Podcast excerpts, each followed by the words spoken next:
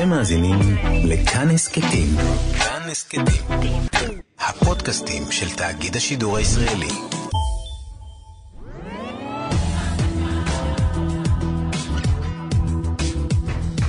עכשיו בכאן תרבות, מכת צפרדעים עם נדב הלפרין.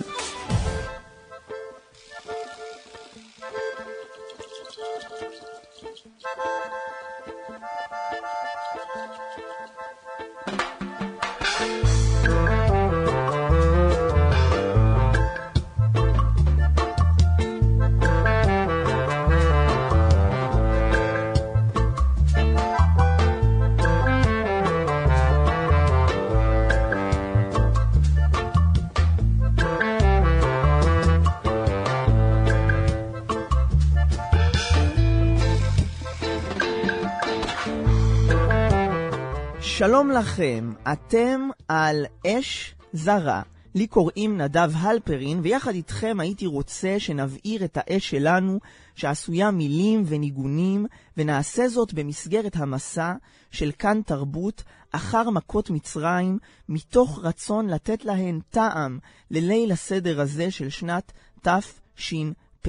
והמכה שזכינו לעסוק בה היא המכה השנייה מבין עשר המכות, זוהי מכת צפרדע.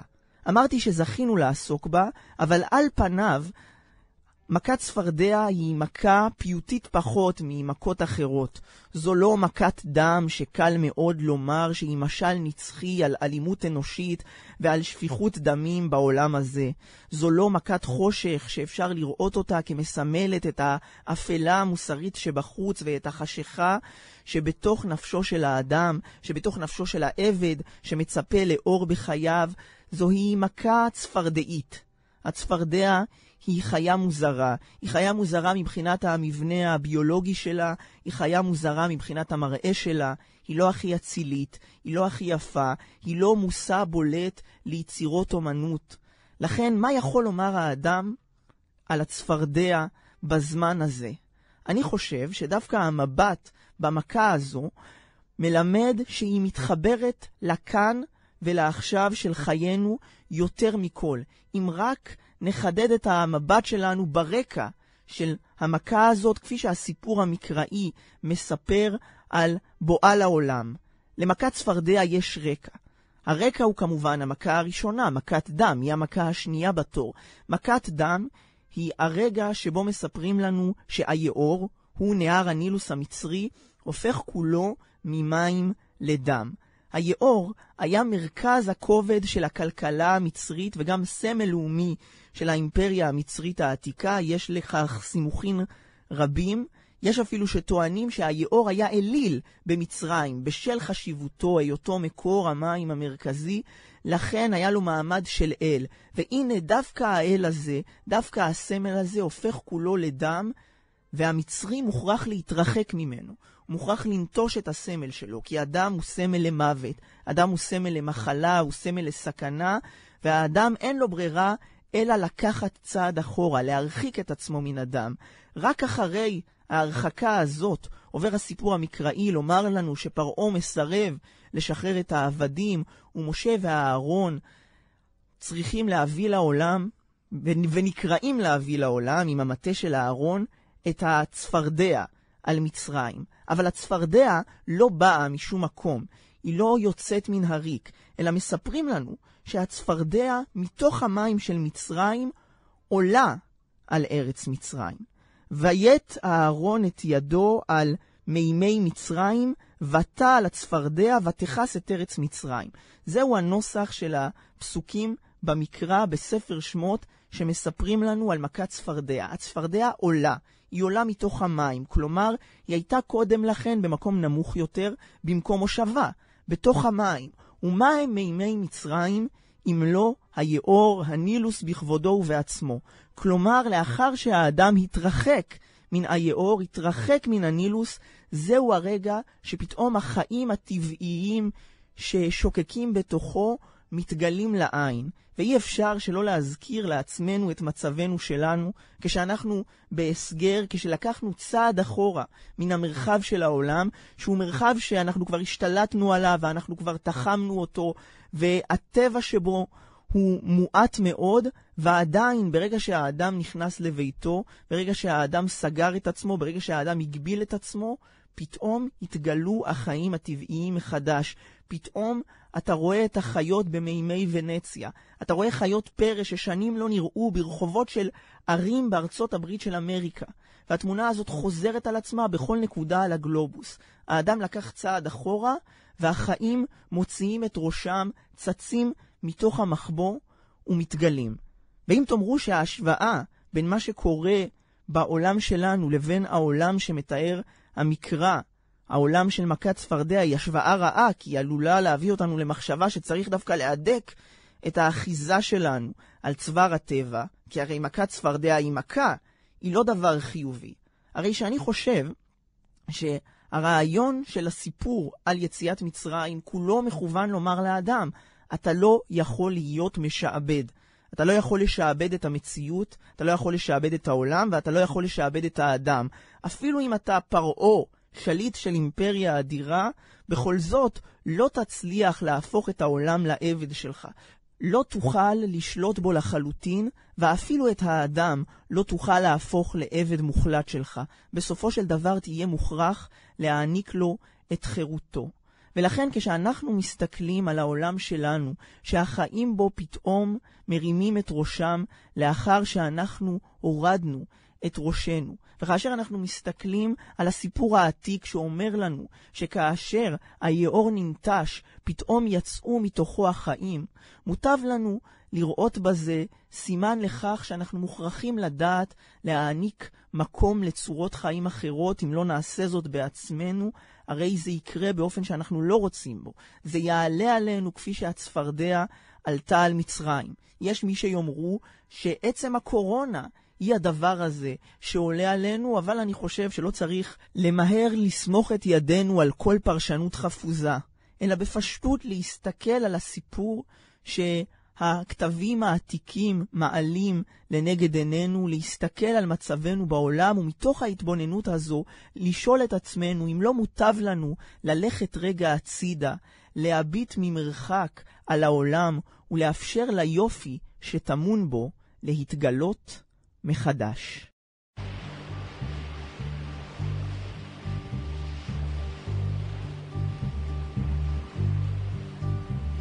Sitting in the morning sun, I'll be sitting when the evening comes, watching the ships roll in, and then I'll watch them roll away again. Yeah, Sitting on the dock of the bay, watching the tide roll away.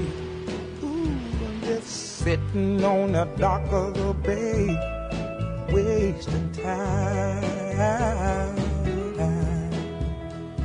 I left my home in Georgia, headed for the Frisco Bay. Cause I've had nothing to live for, and look like nothing's gonna come my way. So I'm just gonna sit on the dock of the bay, watching the tide roll away. Ooh, I'm sitting on the dock of the bay, wasting time.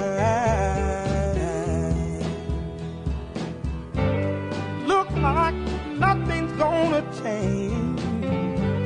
Everything still remains the same. I can't do what ten people tell me to do. So I guess I'll remain the same. Sitting here resting my bones. And this loneliness won't leave me alone. Listen, 2,000 miles I roam just to make this dock my home. Now I'm just gonna sit at the dock of a bay watching the tide roll away. Ooh, sitting on the dock of the bay, wasting time.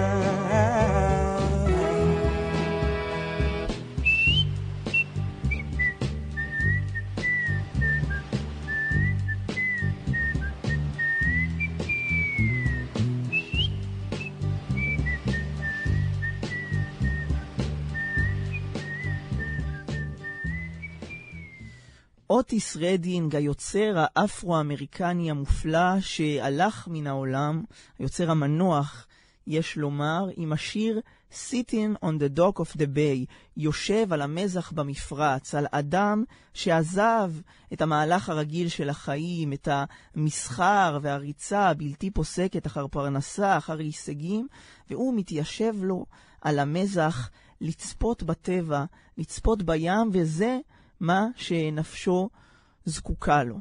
והתרבות היהודית לאורך הדורות התבוננה במכת צפרדע, המכה שבה אנחנו עוסקים מתוך עשר מכות מצרים, וההתבוננות הזאת הייתה התבוננות מעמיקה, דווקא מפני שהצפרדע, כפי שאמרנו, היא חיה משונה.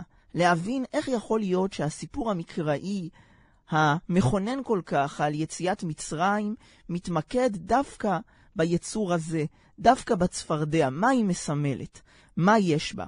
ובתלמוד, שהוא המסמך היסודי של התרבות היהודית, מה שהופך את העולם הישן של המקרא לעולם שלנו, של פרשנות, של הסתכלות מחודשת על הדברים, התלמוד במסכת פסחים מביא דרשה על צפרדעים, והדרשה הזאת מובאת על מנת לשבח אותה, כמה היא דרשה מוצלחת, ללמד על חוכמתו של מי שהגה את הדרשה הזאת, ששמו טודוס, איש רומי.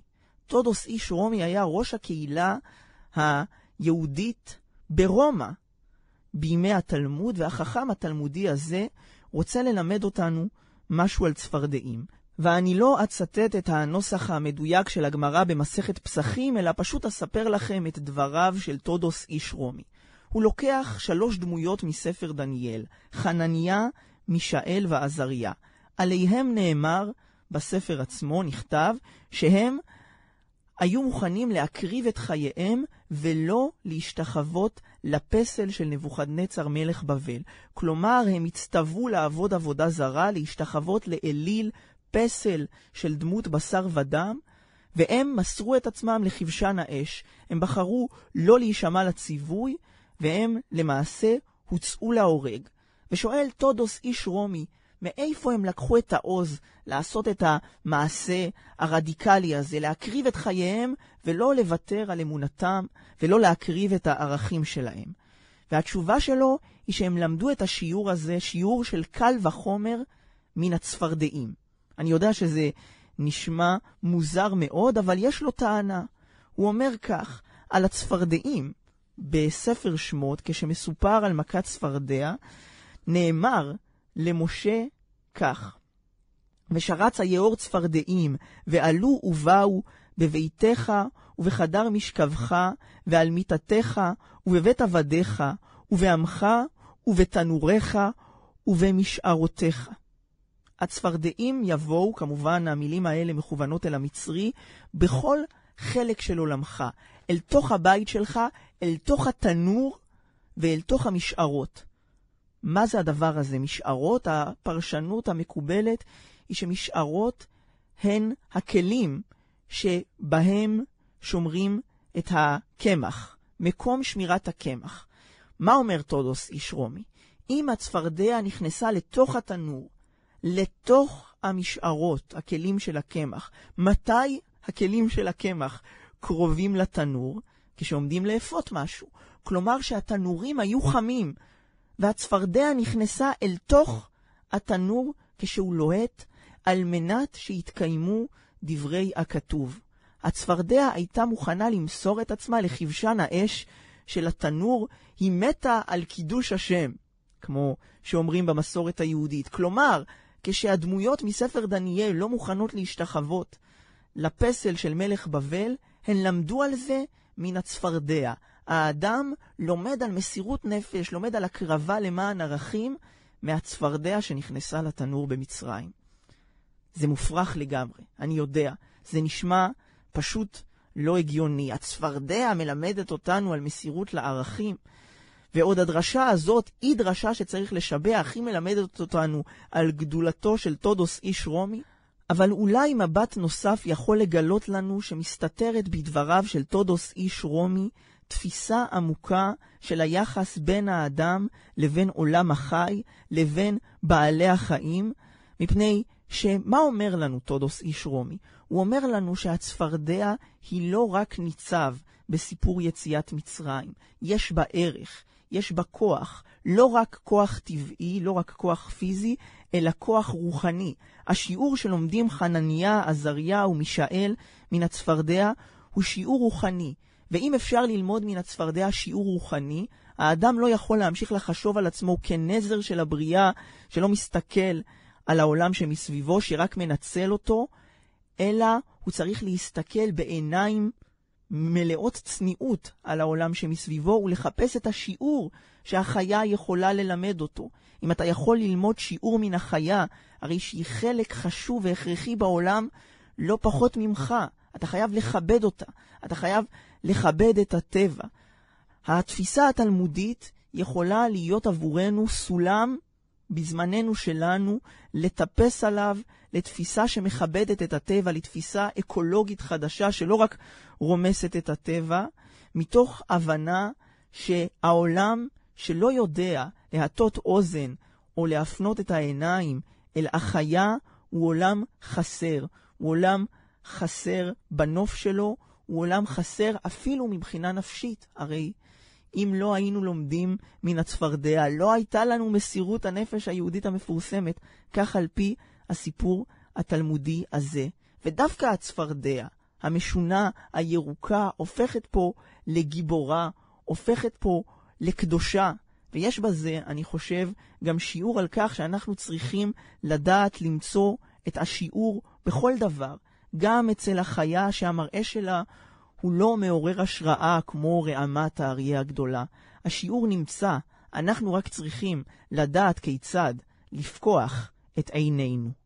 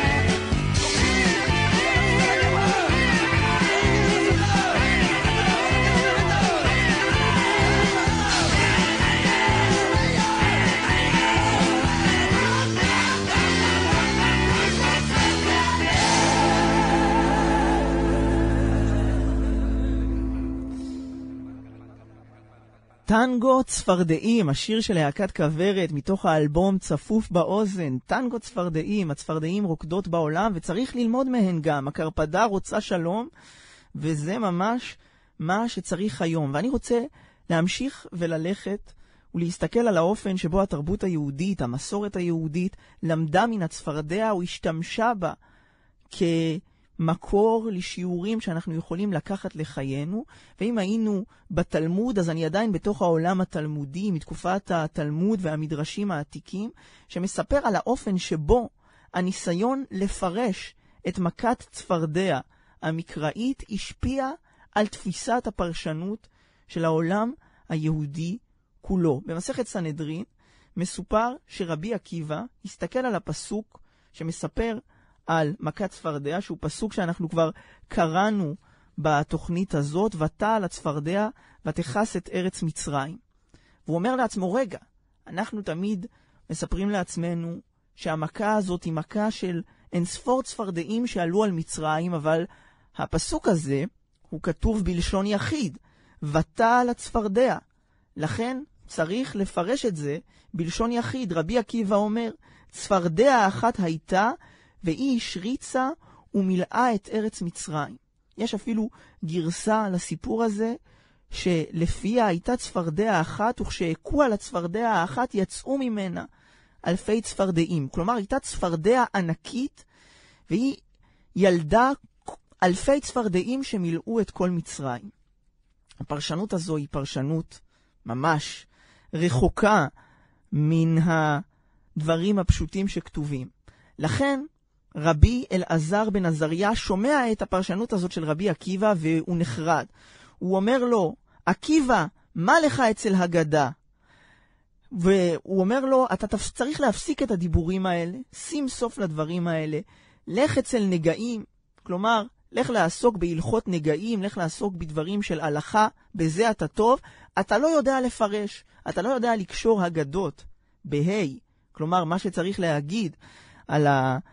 כתוב במקרא, כמו שהאגדה שלנו היא אגדה בה' ולא באלף, כלומר משהו שאנחנו אומרים, משהו שאנחנו רוצים להגיד מדור לדור, אתה לא יודע לפרש, רבי עקיבא. מה זאת אומרת לומר שהייתה צפרדע אחת ענקית שמתוכה יצאו צפרדעים שכיסו את כל מצרים? זה לא הגיוני. אני אתן לך פרשנות הגיונית. צפרדע אחת הייתה, ושרקה להן ובאו. אגב, גם הפרשנות הזאת צפרדע אחת הייתה ושרקה להן ובאו, היא פרשנות לא הגיונית בעיניים שלנו. אנחנו פשוט מסתכלים על המילים האלה ואומרים, ותעל הצפרדע. הצפרדע היא כינוי לכל הצפרדעים שעלו על מצרים. אבל הסיפור שסיפרתי לכם הוא סיפור שמבטא מחלוקת יסודית באופן שבו צריך לפרש את הכתבים העתיקים, באופן שבו צריך לפרש את המקרא.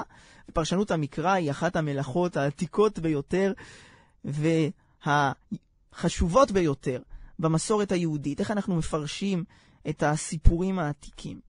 מה עושה רבי עקיבא? הוא על מנת להתאים את הכתוב לאיך שהוא מבין אותו, הוא מוכן ללכת אל פרשנות שהיא רחוקה לחלוטין מהמציאות שלנו, שהיא בלתי הגיונית, היא כמעט פרשנות בדיונית. הייתה צפרדע אחת ענקית, זה דבר שלא ראינו מעולם. לכן רבי אלעזר בן עזריה כל כך מתרגז על רבי עקיבא. הוא אומר לו, רבי עקיבא, כשאנחנו מפרשים את הכתבים הללו, אנחנו צריכים לפרש אותם מתוך תפיסת המציאות שלנו, מתוך ההיגיון האנושי. אם נפרש אותם באופן כזה שלא שייך לעולם שלנו, שמתאר דברים שאין בעולם שלנו, כמו צפרדעי ענק, אנחנו נאבד אחיזה בכתבים הללו. הם לא יהיו רלוונטיים יותר לעולם שלנו, לא תהיה להם שייכות לעולם שלנו, ולא נוכל ללמוד מהם דבר, לא נוכל שנה אחרי שנה לשוב אל הכתבים הללו. אנחנו חייבים למצוא דרך טבעית לפרש אותם, להכניס את הסיפורים הללו לתוך הטבע. יש הרבה מאוד נגזרות למחלוקת הזאת, לתפיסה של רבי אלעזר בן עזריה, שעל פי הסיפור התלמודי הזה היא יוצאת לכאורה וידה על העליונה. הנגזרת היא המחשבה שאנחנו לא צריכים לחפש לצאת מן העולם הזה.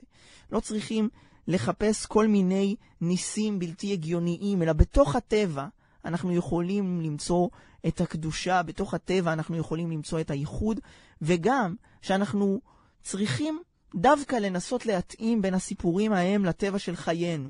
זו לא כפירה, זה, זה לא זלזול במקורות, אלא הבנה שיש פה סיפור עתיק שעובר מדור לדור, ואנחנו חייבים למצוא את הדרך לספר אותו לעצמנו, שהמילים הללו יהיו בעלות משמעות עבורנו. אם נרחיק אותן מאיתנו, הן יאבדו את משמעותן, ואני חושב שזהו הפסד אדיר. לכן האדם צריך בכל שנה מחדש לקחת את סיפור יציאת מצרים ולנסות לראות איך הוא מכניס אותו לחייו, איך הוא מפרש אותו לעצמו באופן כזה שהחיבור בין מי שקרא אותו לפני אלפי שנים לאדם שקורא אותו ב-2020 הוא עדיין חיבור משמעותי, שיש לו עבר כמובן, אבל יש לו גם עתיד.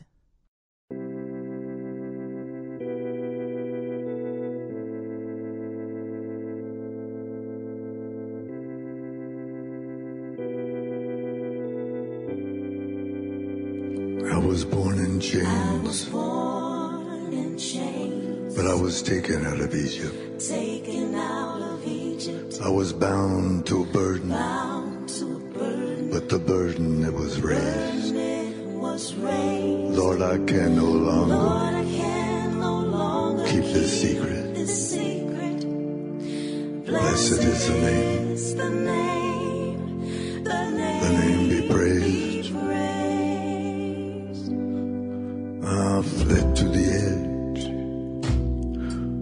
The mighty sea of sorrow, pursued by the riders of a cruel and dark regime. But the waters parted and my soul crossed over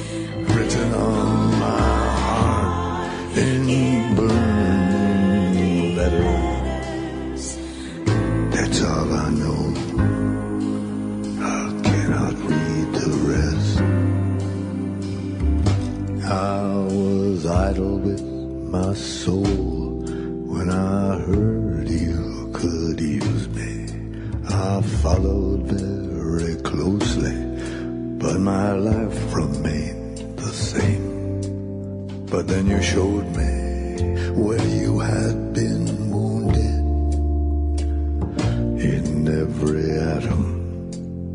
Broken is the name.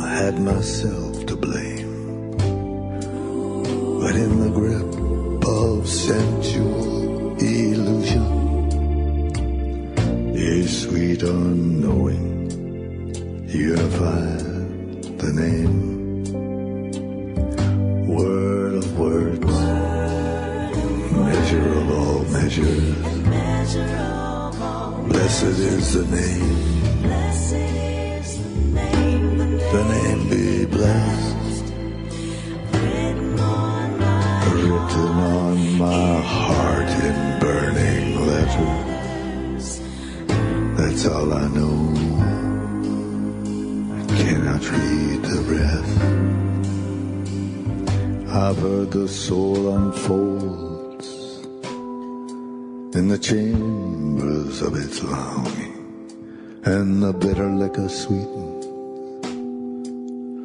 in the hammered cup. But all the ladders of the night have fallen.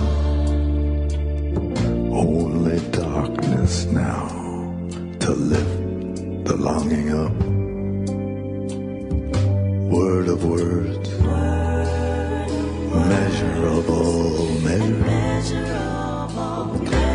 Blessed is the name. The, name be blessed. Written on my heart in blue.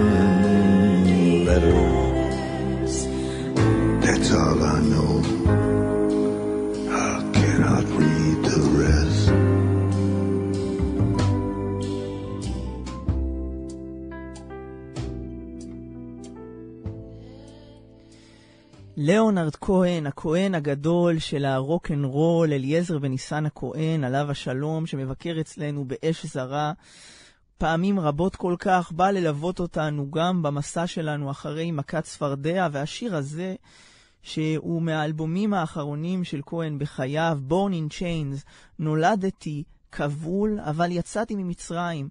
כך הוא אומר, כל אדם, בכל זמן, ודאי כל אדם יהודי כמו ליאונרד כהן, נולד כבול ויוצא ממצרים. לכן חשוב כל כך שנדע לפרש לנו מתוך הזמן את הסיפור העתיק וגם את מכת צפרדע.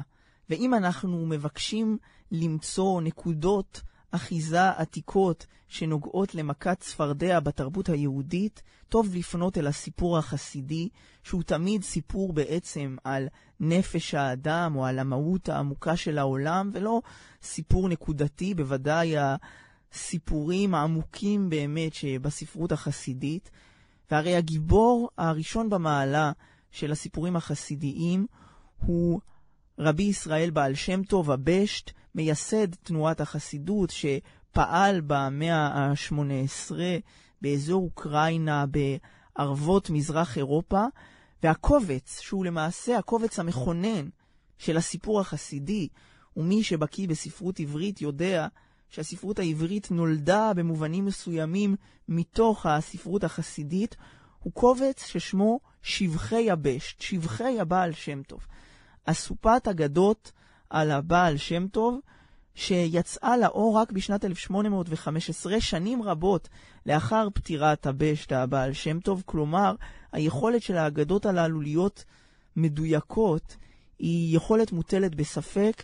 אלו אגדות שעברו מפה לאוזן, סיפורים שעברו מפה לאוזן על דמותו של המורה הרוחני הזה, הבשט, ואחד הסיפורים הוא סיפור על מפגש של הבעל שם טוב עם צפרדע. ממש כך. הסיפור הזה מתחיל, ואני לא אקרא לכם את כל הנוסח המקורי שלו, הוא מתחיל כך. ויש אומרים, פעם אחת נכנס הרב, הבעל שם טוב, לעמקות גדול, והלך בהתבוננות זו שלושה ימים ושלושה לילות, ולא ידע כלום מזה. כלומר, הוא נכנס לאיזושהי מחשבה שריגסה כל כך את תודעתו, שהוא לא ראה את העולם שמסביבו, הוא הלך שלושה ימים ולא שם לב.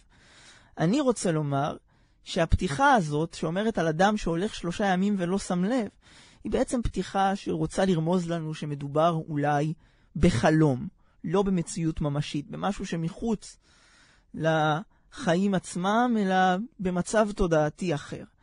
הבעל שם טוב הולך שלושה ימים ולא רואה איפה הוא הולך, ואחרי זה הוא מבין שהוא במדבר גדול רחוק מאוד ממקומו. והוא מתפלא, זה מה שהסיפור אומר לנו, פתאום הוא מוצא את עצמו במדבר. ויפלא מאוד בעיניו על שטעה למדבר כזה. ובוודאי לא דבר ריק, הוא אומר לעצמו, אם הגעתי עד למדבר, כנראה יש משהו מיוחד במדבר הזה.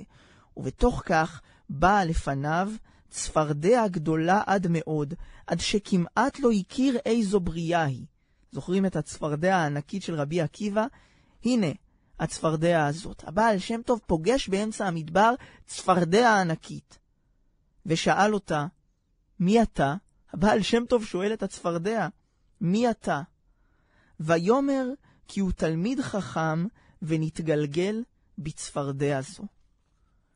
הבעל שם טוב פוגש באמצע המדבר צפרדע ענקית, והוא שואל אותה מי את או מי אתה, והיא עונה לו שהיא תלמיד חכם, יהודי מבית המדרש, שהתגלגל בגלגול נשמות לתוך צפרדע ענקית שמתהלכת במדבר.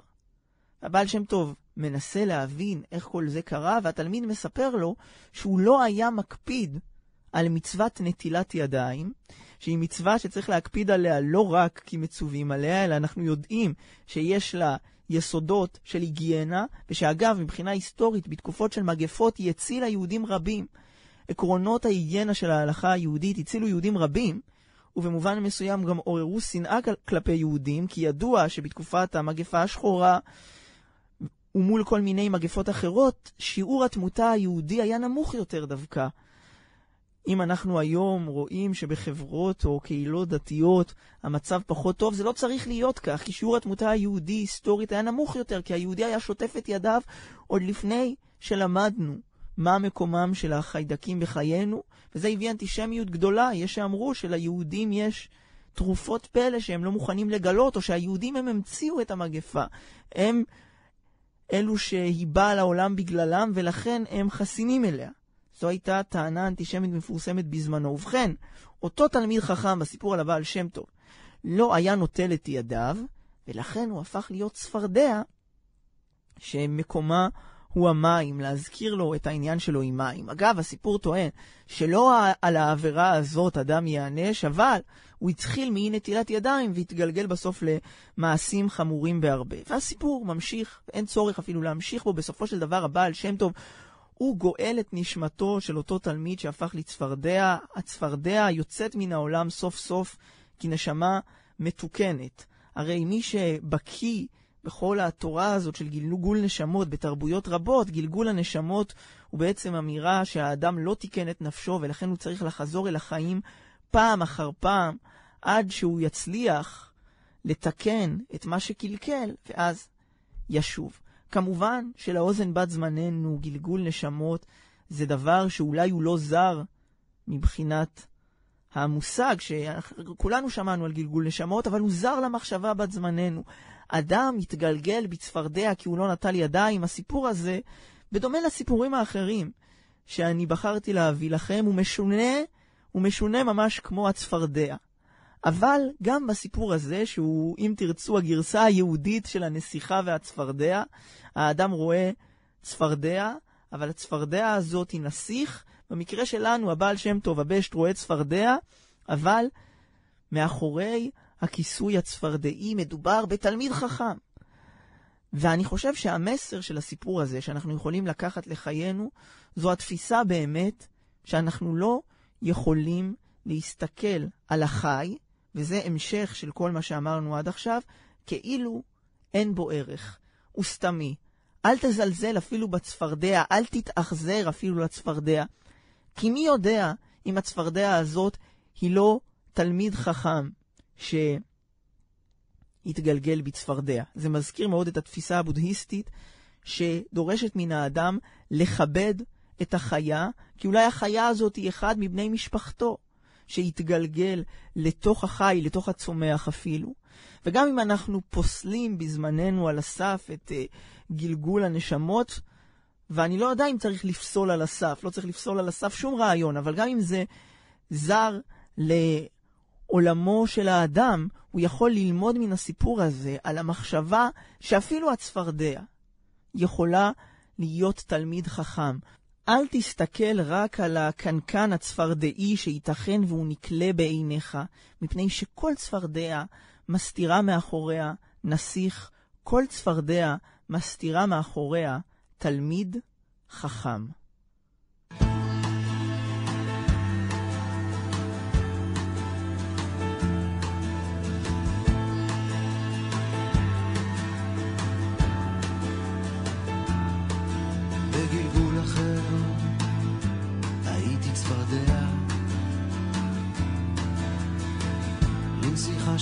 שנסע מתגעגע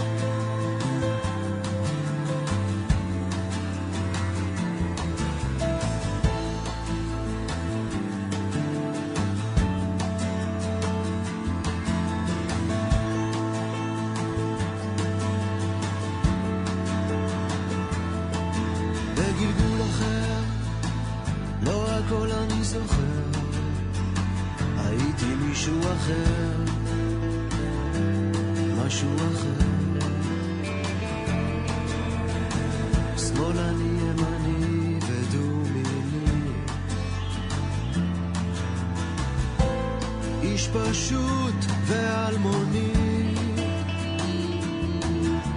הביט סבור בצוללת צהובה. אמרו לי, כל מה שאתה צריך זה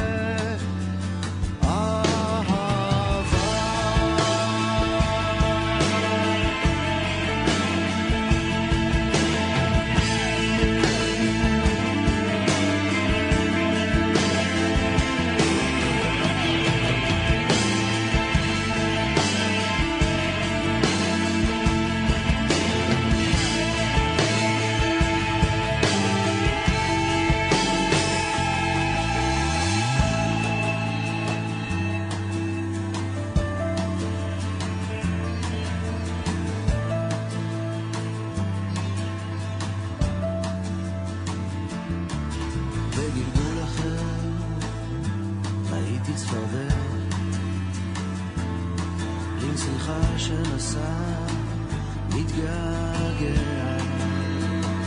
מה בעצם קרה עד היום לא יודע. לפעמים זה חוזר וחומק וחוזר ונוגע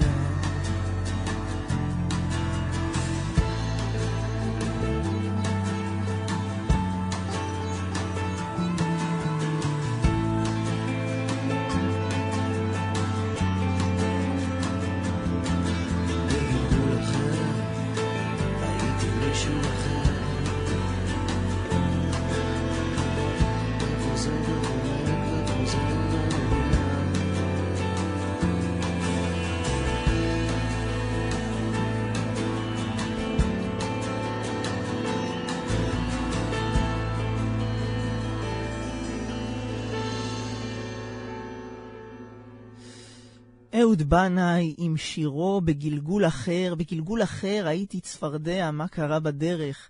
אני לא יודע. אותה צפרדע שהיא גלגול של תלמיד חכמים מהסיפור של הבשט, שבגלל שהיא לא נטלה ידיים הפכה להיות צפרדע. כלומר, בגלל שהאדם לא נטל ידיים הוא הפך להיות צפרדע. זה מצחיק, באמת צפרדע היא חיה מצחיקה, אבל אנחנו רואים פעם אחר פעם שבכל הסיפורים הללו יש בסוף איזשהו מוסר השכל אחר, מעמיק יותר, נוקב יותר. אחת היצירות המפורסמות שמנסות לחבר בין התרבות היהודית הרוחנית לבין עולם החי, קרויה פרק שירה. על פי החוקרים היא נכתבה במאות הראשונות לספירה. פרק שירה הוא פיוט ארוך על האופן שבו כל חיות העולם משבחות את האל. לא רק החיות המפורסמות, אלא גם הצפרדע, יש גרסאות שפותחות, גרסאות עתיקות, שפותחות את היצירה הזאת עם הצפרדע. כל חיה אומרת פסוק אחר. בחלק מהגרסאות הצפרדע היא זו שאומרת את אחד הפסוקים היסודיים ביהדות, מקריאת שמע ברוך שם כבוד מלכותו לעולם ועד. דווקא לצפרדע הקטנה, הירקרקה, החלקלקה, ניתן הפסוק הזה.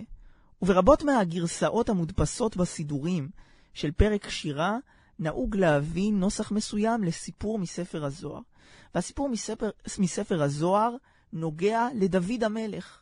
הוא נוגע בעצם לשירה, כי דוד המלך הוא המשורר, הוא משורר תהילים, על פי המסורת, הוא מחבר השירה הגדולה של השפה העברית, שאגב, היא באמת השירה הגדולה, אני תמיד אומר שספר תהילים הוא שירה מודרנית מופלאה, עוד לפני שידענו מהי שירה מודרנית, עוד לפני שעברנו את כל הגלגול של שירה עם מבנה מסוים, עם משקל מסוים, ואחר כך שברנו את המבנים ועברנו לחרוז חופשי, תהילים כבר היו שם קודם. וישנו פסוק בספר תהילים, לא גבה ליבי ולא רמו עיניי. כלומר, אני לא הפכתי להיות גאוותן, אני לא הפכתי להיות מישהו שהלב שלו הוא במקום גבוה, מנותק, העיניים שלי לא התרוממו מדי, לא רמו עיניי. בספר הזוהר אומר שאת הפסוק הזה כתב דוד, זה בעצם משל, על הפסוק הזה אחרי מפגש עם צפרדע. למה? כי הוא היה עסוק לו בכתיבת השירה שלו, ואמר לעצמו, אין בעולם עוד משורר מופלא כמוני, שיכול לחבר כאלה שירות נהדרות, שירות ותשבחות לבורא העולם, על יופיו של העולם, על המאבקים של נפש האדם, מי מסוגל עוד לחבר שירה כמוני? ואז באה אליו, על פי המשל הזה, צפרדע, ואמרה לו, אני מחברת שירה יותר גדולה מהשירה שלך. כל קרקור שלי הוא שירה בעולם הזה. אתה צריך להבין את זה. כל קרקור שלי, על פי אחת הגרסאות, על פי גרסה שנייה, היא גם מוסיפה ומזכירה לו את אותו סיפור מהגמרא על האומץ שלה להקריב את עצמה כדי לקיים את המכה השנייה מבין עשר המכות, את מכת צפרדע שלנו. והאמירה הזו שקרקורי הצפרדע הן שירה גדולה לא פחות מזו של דוד המלך, היא אמירה שאנחנו צריכים לאמץ בימי הקורונה. היכולת לראות את השירה בכל מקום ביקום, אצל כל חיה, ואפילו בקרקורי הצפרדע שלכאורה גסים לאוזנינו. רק אם נדע לאמץ את המבט הזה שמבקש להיפתח אל היופי שבמציאות, פתאום נראה איך מכל דבר ביקום עולה שירה.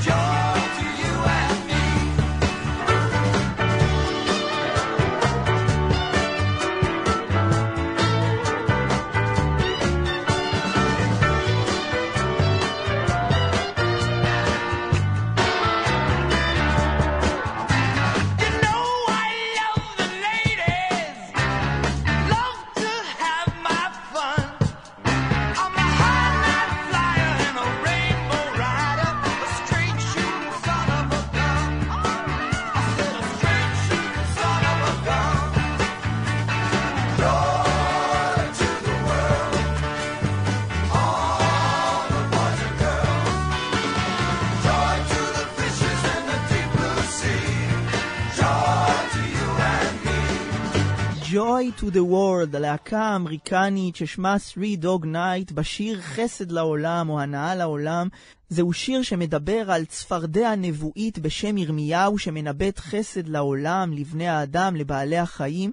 זה יועד להיות שיר ילדים, אבל זה הפך להמנון רוק אמריקני מפורסם מאוד, שהצפרדע היא הכוכבת שלו. ואנחנו צריכים לדעת ללמוד מן הצפרדע, כי אנחנו עומדים לצאת גם השנה ממצרים, גם השנה לחצות את ים סוף, ועל פי החוקרים ים סוף אינו הים האדום, אלא הוא בעצם אגם או ימה בתוך הנילוס, בתוך היאור, שממנו יצאו הצפרדעים במכת צפרדע אל ארץ מצרים, לכן אנחנו דומים לצפרדעים, ואנחנו נסיים את השעה שלנו על מכת צפרדע עם שיר של יהודה עמיחי על חציית ים סוף כמראה לנפש האדם. אחר כך נשמע את אתי ינקרי עם שירה יציאת מצרים.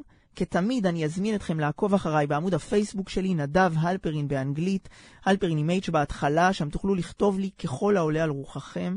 אני מחכה לכם, אתם יכולים להיכנס גם לאפליקציית הטלגרם, לכתוב אש זרה ולהצטרף לערוץ שלנו. ועכשיו אני אאחל לכם פסח שמח, גם כשר, תבחרו את המילים שנכונות לפסח שלכם, ואקרא את יהודה עמיחי, ומה משך חיי. ומה משך חיי? אני כמו אחד שיצא ממצרים, וים סוף נבקע לשניים, ואני עובר בחרבה, ושתי חומות מים מימיני ומשמאלי. מאחורי חיל פרעה ופרשיו, ולפני המדבר, ואולי הארץ המובטחת. זה משך חיי.